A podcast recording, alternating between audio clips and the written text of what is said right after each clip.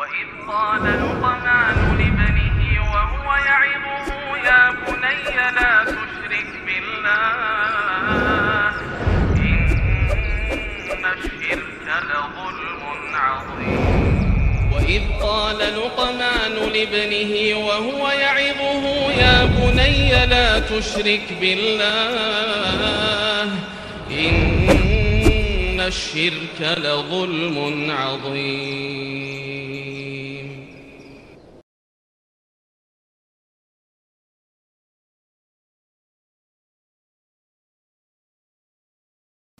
Assalamualaikum warahmatullahi wabarakatuh. Innal hamdalillah nahmaduhu wa nasta'inuhu wa nastaghfiruh wa na'udzu billahi min shururi anfusina wa sayyiati a'malina. Man yahdihillahu fahuwal muhtad wa man yudlil falan tajida lahu waliyyan mursyida. Asyhadu an la ilaha illallah wahdahu la syarika lah وأشهد أن محمدا عبده ورسوله الذي لا نبي بعده. وقال الله سبحانه وتعالى يا أيها الذين آمنوا اتقوا الله حق تقاته ولا تموتن إلا وأنتم مسلمون. وقال عز من قال يا أيها الذين آمنوا اتقوا الله وقولوا قولا سديدا. يصلح لكم أعمالكم ويغفر لكم ذنوبكم ومن يطع الله ورسوله فقد فاز فوزا عظيما. يا أيها الناس اتقوا ربكم الذي خلقكم من نفس واحدة وخلق منها زوجها وبث منهما رجالا كثيرا ونساء. واتقوا الله الذي تساءلون به والأرحام إن الله كان عليكم رقيبا.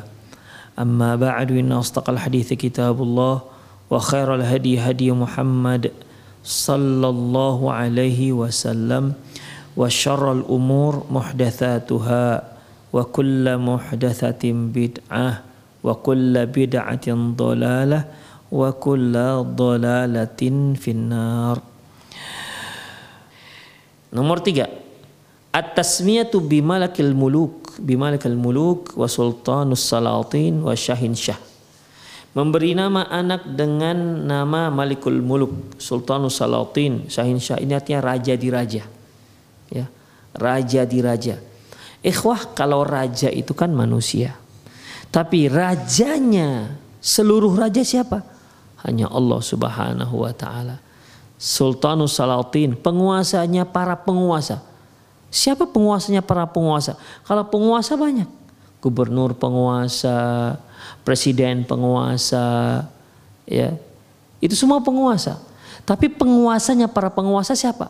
Itu hanya Allah Subhanahu wa taala. Jadi semua orang-orang yang berkuasa, yang punya kekuasaan, ya sesungguhnya penguasa mereka, penguasanya seluruh para penguasa itu hanya Allah Subhanahu wa taala. Makanya tidak boleh memberikan nama dengan Sultanus Salatin, ya Sultanus Salatin, Malikul Muluk gak dibolehkan.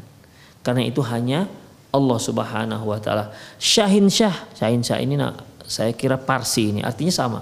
Rajanya di raja. Rajanya para raja.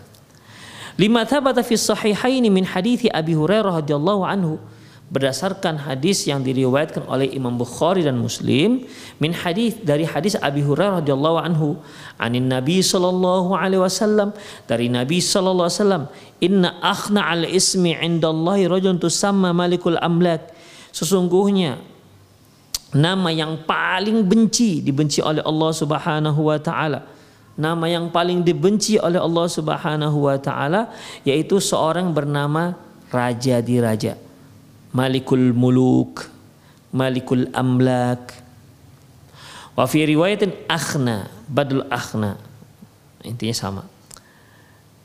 Wa fi riwayatil Muslim, dalam riwayat yang diriwayatkan oleh Imam Muslim, beliau mengatakan Rasulullah SAW, Rasulullah wasallam mengatakan bersabda, Aghyadhu rajuli 'ala Allah yaumil qiyamah. Orang yang paling dimurkai Allah nanti di hari kiamat adalah wa akhbathuhu dan yang paling apa nam yang paling akhbath ini yang paling bau gitu kira-kira yang paling kotor wa agladhuhu wa ag, wa ay wa aghyazuhu alaih dan paling dimurkai oleh Allah.